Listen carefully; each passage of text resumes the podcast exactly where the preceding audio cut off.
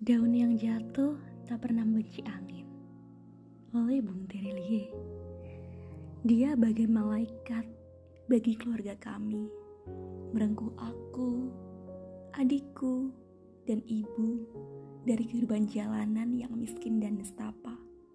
Memberikan makan, tempat berteduh, sekolah, dan janji masa depan yang lebih baik.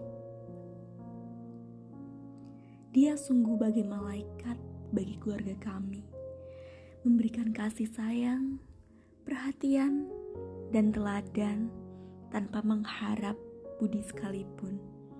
Dan lihatlah, aku membalas itu semua dengan membiarkan mekar perasaan ini. Ibu benar, tak layak aku mencintai malaikat keluarga kami. Tak pantas.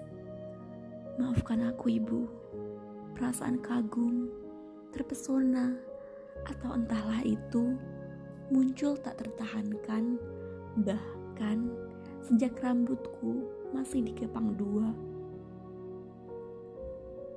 Sekarang, ketika aku tahu dia boleh jadi tidak pernah menganggapku lebih dari seorang adik yang tidak tahu diri, biarlah, biarlah aku aku luruh ke bumi seperti sehelai daun.